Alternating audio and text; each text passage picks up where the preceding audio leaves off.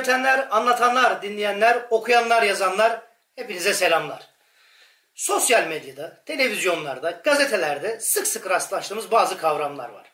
Bu kavramların ne olduğunu bilsek de yer yer karıştırmaktayız. İşte bugün özellikle mavi vatan kavramıyla beraber gündeme oturan münhasır ekonomik bölge, karasuları, kıta sahanlığı, iç sular gibi konularda kafamızın karıştırdığı noktaları çözebilmek amacıyla kısa bir anlatım yapalım istiyorum. Bunların tamamı Birleşmiş Milletler Deniz Hukuku Sözleşmesi ile beraber iyice yerleşmiş, iyice netleşmiş kavramlar.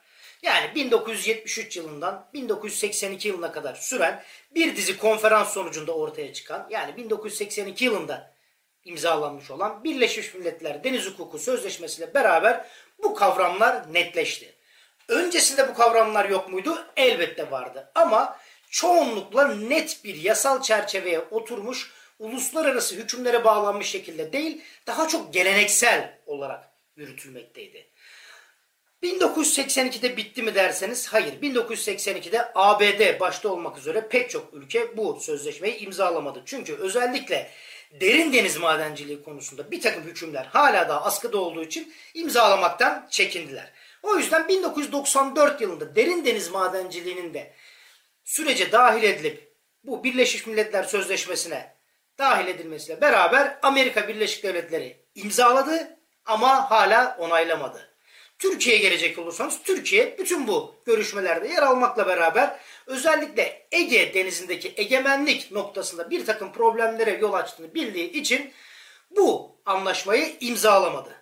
Ama şöyle bir husus vardır. Uluslararası teamül hukuku denen bir şey. Yani teamüller gereği yapılan şeyler pek çok ülke tarafından sözleşmesi imzalanmasa da teamül gereği yerine getirilmektedir. İşte Türkiye'de her ne kadar bu sözleşmeyi imzalamamış olsa da uluslararası hukukun teamüllerinin getirdiği pek çok konusunda uymaktadır, riayet etmektedir. Ama imzalamamış olduğu için bu sözleşme Türkiye açısından bağlayıcı ya da bir sonuç oluşturucu durumda değildir. Kavramlara geçmeden önce bir hususun altını çizmek istiyorum. Bu kavramları açıklarken mil kavramını kullanıyoruz. Yani kara mili değil. Özellikle altını çizim. Deniz mili. Yani bir deniz mili yaklaşık 1.8 kilometreye tekabül eder. Bu sözleşmede çoğunlukla mil kavramı geçtiği için ve bu mil de deniz milini kastettiği için kullandığımız mil kelimesini bilin ki deniz mili itibariyle kullanıyoruz ve bu da 1.8 kilometreye denk gelen bir e, uzun uzunluğa aslında tekabül ediyor. İsterseniz en basit olan iç sulardan başlayalım. Şimdi iç suları belirleyebilmek için önce med ve cezir çizgisinin ne olduğunu bilmemiz gerekir. Aslında biliyoruz da tekrardan bir hatırlayalım istiyorum. Şimdi ayın ve güneşin konumlarına göre dünyaya karşı oluşturdukları bir çekim kuvveti çerçevesinde denizlerin, okyanusların suyu belli zamanlarda yükselir, belli zamanlarda alçalır. Buna gelgit olayı denir ya da eski tabirle medcezir olayı denir. İşte denizlerin yükseldiği zamanlardaki o karada oluşturduğu çizgiye med çizgisi, çekildiği, alçaldığı zamanlarda oluşturduğu çizgiye de cezir çizgisi denir. İşte bu deniz hukuku sözleşmesinde bütün karasuları, kıta sahanlığı, münhasır ekonomik bölge gibi tüm kavramları açıklarken bu cezir çizgisini esas alır. Yani karanın denizle birleştiğinde denizin çekilmiş olduğu suları bir temel çizgi olarak alır. Yani kara, deniz ve burada tam cezir çizgisi bizim temel çizgimiz. İşte bu cezir çizgisinin kara tarafında kalan bölgesinde oluşan bütün sulara iç sular denir. Yani nehirler, akarsular hatta bazen kayaların girintisi çıkıntısı ya da kıyıların girintisi çıkıntısından ötürü bazı sular o temel çizgisinin iç tarafında kaldığı için bunların tamamına iç sular denir. Ve bu Deniz Hukuku Sözleşmesi'nin 8. maddesiyle düzenlenmiştir bu husus. Ve burada sizin tam bir egemenlik hakkınız vardır. Yani bir parça, bir karış toprağınızdaki egemenlik hakkınız neyse bu iç sularda da tamamen egemenliğiniz vardır. Yani şunu sorabilirsiniz. İyi de akarsular, iç sular, nehirlerle ilgili benim egemenlik hakkımı bana niye anlatıyorsun ki? Türkiye açısından doğru böyle olabilir ama Endonezya gibi bir sürü ada ve adacığın bir araya getirdiği bir ülkeyseniz işte iç sular kavramı o zaman ciddi bir anlam kazanır. Çünkü siz cezir çizgisinden geride kalan sulara baktığınızda aslında deniz suyunun da ciddi bir kısmının sizin egemenlik alanına girdiğinizi görürsünüz. Ve bu egemenlik alanında dediğim gibi kara sularındaki düzeltiyorum kara sınırlarınız, kara parçalarınız içindeki haklarınız neyse birebir aynıdır. Yani sizin devletinizin, vatanınızın ayrılmaz bir parçasıdır. Peki kara sularının bundan farkı ne diye soracak olursanız kara suları egemenliğinize yine yüksek ölçüde olduğu çok ufak değişikliklerin olduğu bir husustur. Kara suları da yine bu temel çizgisi dediğimiz yani cezir çizgisinden başlamak üzere 12 mile kadar denizlerde 12 mile kadar açıklıkları gösteren sizin egemenlik alanınızdır. Bakın mile kadar diyorum 12 mil demiyorum sebebini birazdan söyleyeceğim. Şimdi buralardaki hakkınız yani sizin kara sularınızdaki hakkınız ne demek? Kıyınızdan çıktınız. O cezir çizginizden çıktınız. 12 mil kadar denizlerde gidiyorsunuz. Bu 12 mil boyunca bütün karalarda oluşan o su parçası sizin vatanınızın kalan kısmıdır. Yani hala egemenlik hakkınız çok yüksek ölçüde vardır. Ve buranın özelliği siz burada bütün egemenlik hakkını hava sahası dahil yani üzerindeki hava sahası dahil bütün egemenlik hakkını uyguladığınız bir tek istisnası zararsız geçiş denilen yani askeri veya sivil gemilerin size önceden bilgi vermek kaydıyla bu sularda zararsız geçişle yani bir silah taşımadan silah taşıyor ise bu silahın aktive edilmemiş vaziyette dolaşabildiği sulardır aslında. Yani egemenlik noktasında tek fark budur. Şimdi Birleşmiş Milletler'in sözleşmesine, Deniz Hukuk Sözleşmesi'ne baktığınızda ikinci ve 32. madde arasındaki kısım tamamen burayı düzenler. Ve bu kara suları tarihsel olarak aslında canon shot rule denen bir tabirden, bir kuraldan gelir. Yani 17. yüzyılda Flaman ve Alman metalurji uzmanları artık gemilerde taşınabilen top mermileri, gemilerde taşınabilen toplar üretmeye başladılar. Ve bu ne anlama geldi? Şimdi eski dönemlerde şunu düşünmeyin. Gemiler çok açık mesafelerde gidip de ülkelere saldırı yapıyor değil. Bu bizim kara suları dediğimiz bölgelerin içerisinde aslında top mermileriyle ülkeleri taciz ederdi. Ya da ülkeler de karşılık olarak karadan attıkları top mermileriyle gemileri savuşturdu. O yüzden bu teamül hukuku gereği ta 17. yüzyıldan beri senin egemenlik alanın top merminin atış menzili kadardır diyerekten sınırlandırmış. Yani bir gemiden gelen top mermisi ya da senin kıyından gelen bir top mermisi gemiyi vuramayacak mesafedeyse senin karasuların bitmiştir der. Ve o dönemler bu 3 mile tekabül etmekteydi. 3 deniz miline tekabül etmekteydi. Yani 5.6 kilometreye yakın bir mesafeydi. Ancak zaman içerisinde bu sırasıyla 1930'lara 20'lere geldiğimizde artık yavaş yavaş 6 mile çıkmaya başladı. Teknolojinin gelişmesiyle beraber. 6 mil uzun süre devam etti. Bazı ülkeler kerhen kendi başına 12 mile çıkılmasına razı, rıza gösterdi. Bazı ülkeler de kendisi reysen 12 mile kadar çıkardı. Ha, bazı ülkeler buna tamam dedi, bazıları olmaz dedi. Bir takım çatışmalar, bir takım anlaşmazlıklar çıktı ve nihayet 1982 yılındaki bu Deniz Hukuku Sözleşmesi bunu net bir şekilde karara bağladı. Senin karasuların maksimum 12 mile kadar çıkabilir. Yani 12 milden 1 mil uzatamazsın der. Ama iki ülke kendi arasında anlaşaraktan bu ölçüyü değiştirebilir. Yani kıyıdaş iki ülke ya da aynı denize kıyısı olan iki ülke kendi arasında anlaşaraktan bu oranları değiştirebilir. He, siz iki tane ülkesiniz. Türkiye ve Yunanistan gibi.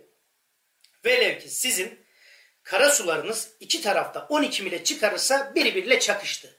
Ne yapacaksınız? İşte o zaman devreye şu girer. Birleşmiş Milletler Deniz Hukuku Sözleşmesi der ki bu iki ülkenin kendi arasında anlaşmayla çözeceği bir husustur. Yani iki ülke kendi arası anlaşaraktan çözecekler. Ama hiçbir zaman iki ülke birbirinin egemenlik hakkını tek taraflı olarak bu şekil e, feshedemez, bu şekil ihlal edemez. Ülkeler anlaşamamışsa iki ülkenin o temel çizgileri dediğimiz cezir çizgisinden itibaren bir kesişim noktası yapılır, ortada kesilir der. Bir kenara koyalım, geri geleceğiz. Bir diğeri ne? Hemen o kara sularının yani 12 millik bölgenin Hemen bitiminden başlayıp bir 12 mil daha denize doğru giden kısma da bitişik bölge denir. Bu bitişik bölge 32. maddede Birleşmiş Milletler Deniz Hukuku Sözleşmesi'nin 32. maddesinde düzenlenmiş bir şeydir. Çok detaya girilmemiştir. Burası zaten çoğunlukla bir yasal hüküm altına alınmaktan ziyade ülkelerin kendi arasında anlaşarak çözecekleri bir şeydir. Nedir diyecek olursanız bitişik bölge? Karasularınızda tam bir egemenlik alanınız var demiştik ya. Bu karasuları bittikten sonra özellikle gümrük kaçakçılığı, kara para aklama, göçmenlik gibi hususlarda suç önlemek amacıyla sizin bir takip mesafenizi oluşturmaktadır. Yani sizin gemileriniz, hücum botlarınız, sahil güvenlik botlarınız, kaçakçılık gümrük botlarınız diyelim artık bunlara. Bunlar bir gümrük kaçakçılığını, finansal bir e, kaçakçılığı ya da göçmen kaçakçılığını önlemek için karasuların dışına çıkıp bir güvenli takip bölgesinde 12 mil daha gidebilir. Yani ilk 12 mil karasularınız, ondan sonraki 12 milde sizin güvenli takip bölgeniz. Ama bu güvenli takip bölgesinde bir egemenliğiniz söz konusu değildir. Yani başka ülkelerin gemilerinin geçişine yasak koyamazsınız. Başka ülkelere yönelik bir egemenlik hakkı uygulayamazsınız. Bu sadece sizin güvenli bir takip alanı oluşturmanızı sağlamak içindir. Diyeceksiniz ki bu 12 milin daha uzatma şansı yok mu? 12 mile kadardır. İstisnası şudur. Siz karasularınızı 12 mil değil de 6 mil tutmuşsanız o zaman sizin o güvenli takip için oluşturduğunuz bitişik bölgeniz ikisi toplamda 24 mili geçmeyecek kadar olabilir. Yani karasuları artı bitişik bölge hiçbir hal ve şartta 24 mili deniz milini geçemez. Der.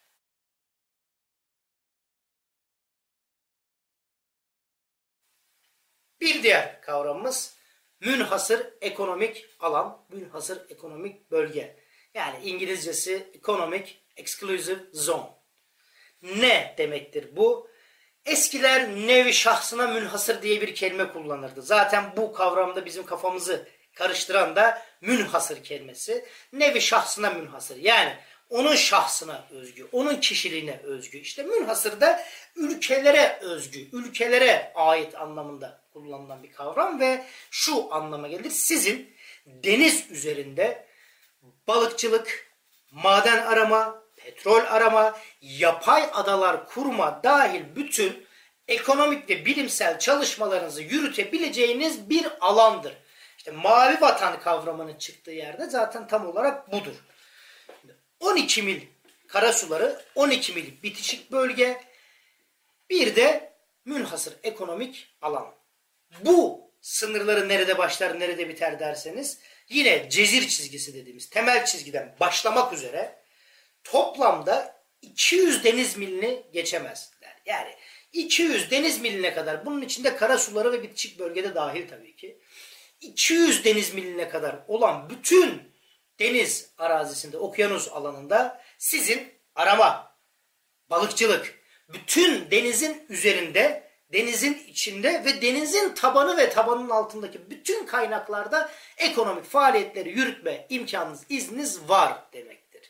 Mavi vatan tam olarak bu anlama gelir ve Türkiye'nin mevcut kara büyüklüğünün çok daha büyük bir alanını kapsar.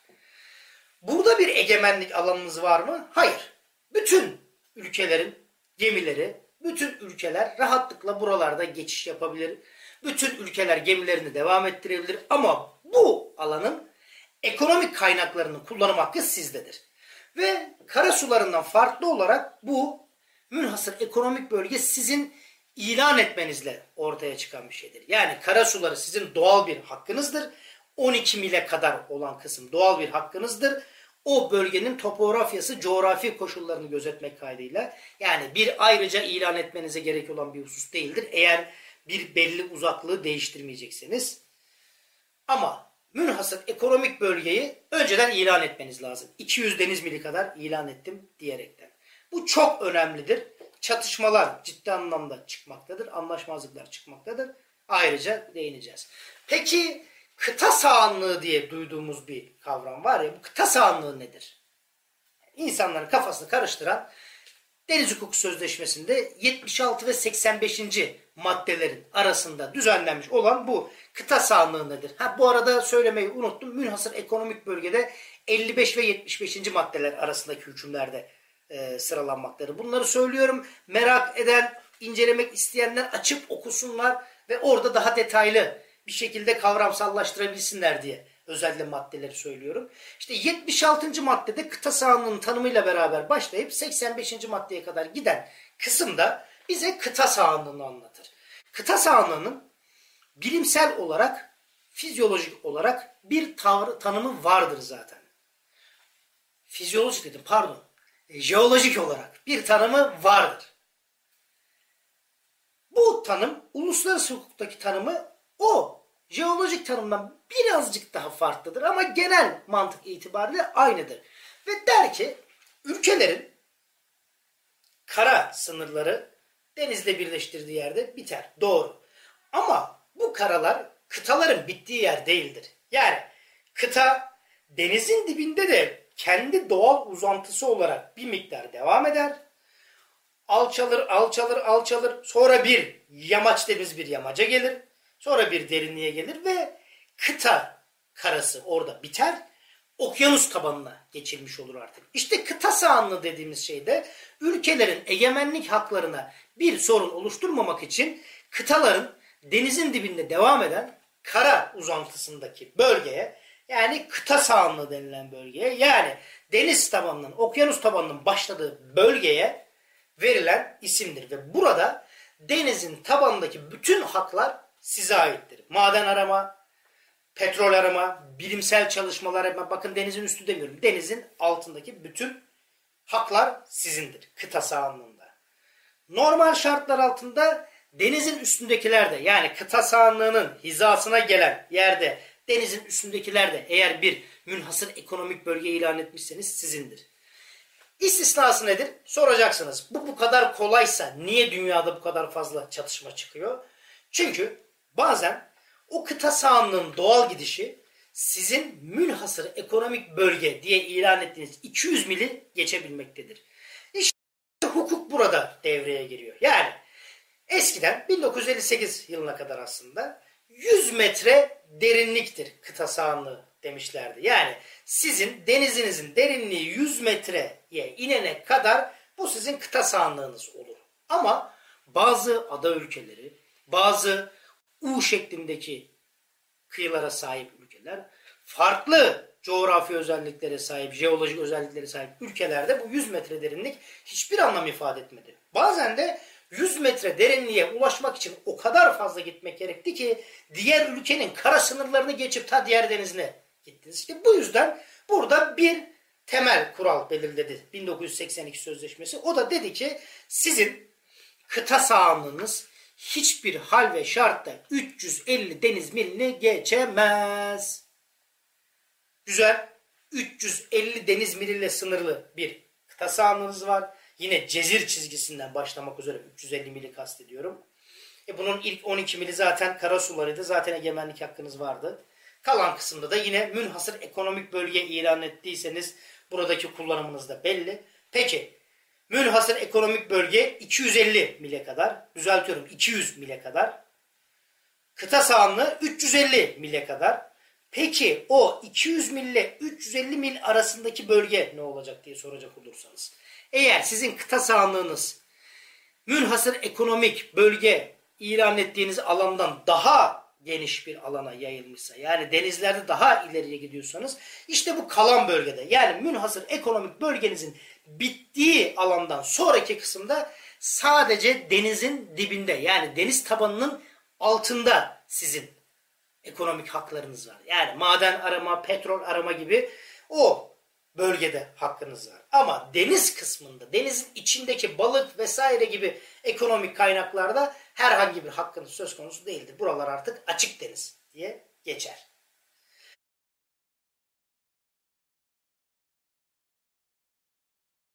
Bunlardan bahsettik. Bunları derledik. Bir de karasularının üzerinde hava bölgesi de sizin egemenlik alanınızdadır demiştik ya. Bunun ne anlama geldiğini söyleyelim. Bu da başka bir sözleşmeyle kararlaştırılmış. Yani sizin hava sahası bölgeniz karasularınızın üzeri de dahil bütün ülkenizin kara parçası artı karasuları üzerinde kalan hava bölgesi o alan sizin hava sahanız olarak geçer. Yani mavi vatan gibi egemenlik alanınızın bölünmez bir bütünü olarak havada sizin egemenliğinize aittir. Ve 1944 yılında Chicago Sözleşmesi'yle bu hüküm altına alınmıştır. Ve orada çok ilginç bir kelime kullanır aslında. Tanım itibariyle dikkat çekilmesi gereken bir husustur. Der ki ülkelerin egemenlikleri kendi karaları ve karalarının üzerindeki hava alanında geçerlidir. Ve burada kara tabirini kullanırken kara suları bu işin içine dahil edilmiştir der. Böyle bir ayrım yaparaktan aslında sizin kara sularınızın egemenliğinizin, kara parçanızın vazgeçilmez bir parçasıymış gibi bir muamele gördüğünü anlatır. Sizin bu hava sahasındaki kontrolünüz şudur. Bütün uçuşlar, sivil askeri bütün uçuşların rotası, trafiği, ne zaman uçacağı, ne şekilde uçacağı bunların tamamının kontrolü sağlamak, izinlerini vermek, bunların güvenli uçuş sağlamasını sizin tarafınızdan gerçekleştirilmesine imkan vermek aslında. İstisnası nedir? Sivil uçuşlara yasak koyamazsınız normal şartlar altında ama sivil uçuşların trafiğini belirleyebilirsiniz. Oradan değil buradan git diye. Bu da bizi fır hattı dediğimiz bir kavrama getirir. Yani Flight Information Region. Uçuş bilgi bölgesi. Fır hattı bir egemenlik hakkı veren bir hat değildir. Ama sizin sivil uçuşları düzenlerken ülkenizin bilgi merkezini oluşturan yerdir. Yani Türkiye'de örnek olarak vereyim iki tane fır hattı vardır. Bir İstanbul'da bir Ankara'dadır. Akdeniz'den gelecek uçuşlar belli bir mesafeye daha bizim kara sularımıza girmeden bakın bu önemli. Daha kara sularımıza girmeden belli bir mesafeye yaklaştıklarında size bilgi verirler. Ben geliyorum benim uçuş rotamı çiz. Bana meteoroloji, meteorolo, meteoroloji bilgisini Bugün iyice Türkçeyi katletti özür dilerim. Bana meteoroloji, meteoroloji bilgisini ver. Bana hava durumunu ver. Nereden uçacağımı, güvenlik uçuşumu, askeri bölgelerin nere olduğu bunların bilgisini bana ver der. Bu da bize uçuş bilgi bölgesi dediğimiz fır hattımızı oluşturur. Karasularının ve hava sahasının biraz daha farklı bir versiyonudur. Burada bir egemenlik hakkınız yoktur. Ama hava sahanızda sizin egemenlik hakkınız tamdır. Bunlara böyle detaylıca değiniyoruz. Neden? Şüphesiz ilerleyen videolarımızda özellikle Kardak'la ilgili videomuzda bu iyice gündeme gelecek. Bunlar Yunanistan'la aramızda çok temel problemleri oluşturan hususlardır. Çünkü iki ülke bunları farklı yorumlar. Çok özetle Yunanistan'ın 3 mil olan karasularını 1931 yılında 6 mile kendi başına çıkarması, bizim buna bir şey demeyip o, hava sahasını 10 mile uzatması. Yani 6 mil olarak belirlenmiş karasularını kendisinin hava sahasında 10 mil olarak belirlemesi. Yani karasularını geçen bir hava sahası oluşturması ve bizim bunu o dönem ses çıkarmamış olmamızı Yunanistan'ın zımni bir kabul addetmesi, bizim ise reddetmiş olmamız. Sonra 1982'de Chicago Sözleşmesi'nde 44'te bu hava sahası tanımları iyice netleşince bizim konuyu tartışmaya açmamız uzatmayayım. Kıbrıs Barış Harekatı sonrasında bunun ciddi bir problem olarak gündeme oturması diyelim. Bununla ilgili çok ayrı bir video çekeceğiz. Yani hava sahası, karasuları, münhasır ekonomik bölge temelinde Yunanistan'la yaşanan problemler diye bir işin daha çok hukuki boyutuna değinen bir ayrı videomuz olacak. Bugün sadece neden bu kavramları açıkladık, neden bu kavramlara odaklandık ona değinmek istedim. Ümit ediyorum ki bu kavramlar artık kafamızda iyice netleşmiştir. Kafamızda karışıklığa yol açmayacak bir seviyeye gelmiştir. Ve artık mavi vatan dendiğinde ne kastediliyor? Kara suları dendiğinde ne kastediliyor? Bunları açıklamışızdır diye ümit ediyorum. Diyeceksiniz ki kafamı karıştıran bir soru var. Buyurun diye soracağım. Siz de diyeceksiniz ki kendi kendine konuşmayı bırak. Benim sorumu dinle.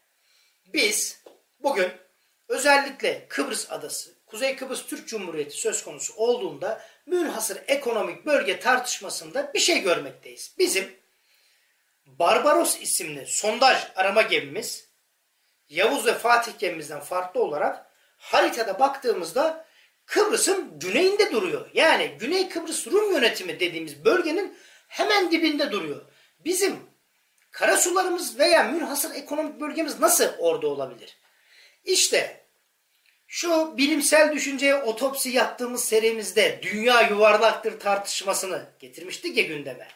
Şimdi siz dünyayı düz bir harita olarak görürseniz Barbaros sanki Kıbrıs adasında güneydeymiş gibi görünür size. Ama dünyayı bir küre olarak aldığınızda sizin karalarınızın olduğu, Kuzey Kıbrıs Türk Cumhuriyeti'nde Karpaz'ın bulunduğu bölgeye baktığınızda, Hatay İskenderun bölgesine baktığımızda bunların dünya yuvarlak olduğunda aslında münhasır ekonomik bölge itibarıyla size düz bir haritada Kıbrıs'ın güneymiş gibi göründüğünü fark edersiniz. Aslında sizin orada deniz mili itibariyle 200 deniz mili içerisinde olduğunuzu küre olduğu zaman fark edeceksiniz. Aslında açıklaması bu kadar basittir ama maalesef biz düz haritalara bakmaya alıştığımız için bazen kafamız karışabiliyor. Bu detayları dediğim gibi Yunanistan'la ilgili yaşanan problemler videosunda daha detaylı inceleyeceğiz. Umarım sıkıcı olmamıştır. Mümkün olduğunca özet bir şekilde aktarmaya gayret ettim. Yorumlarınız olursa yorum butonuyla iletebilirsiniz. Beni sabırla dinlediğiniz için, sabırla izlediğiniz için ve tahammül gösterdiğiniz için sizlere teşekkür ediyorum. Bir sonraki videoda görüşmek üzere.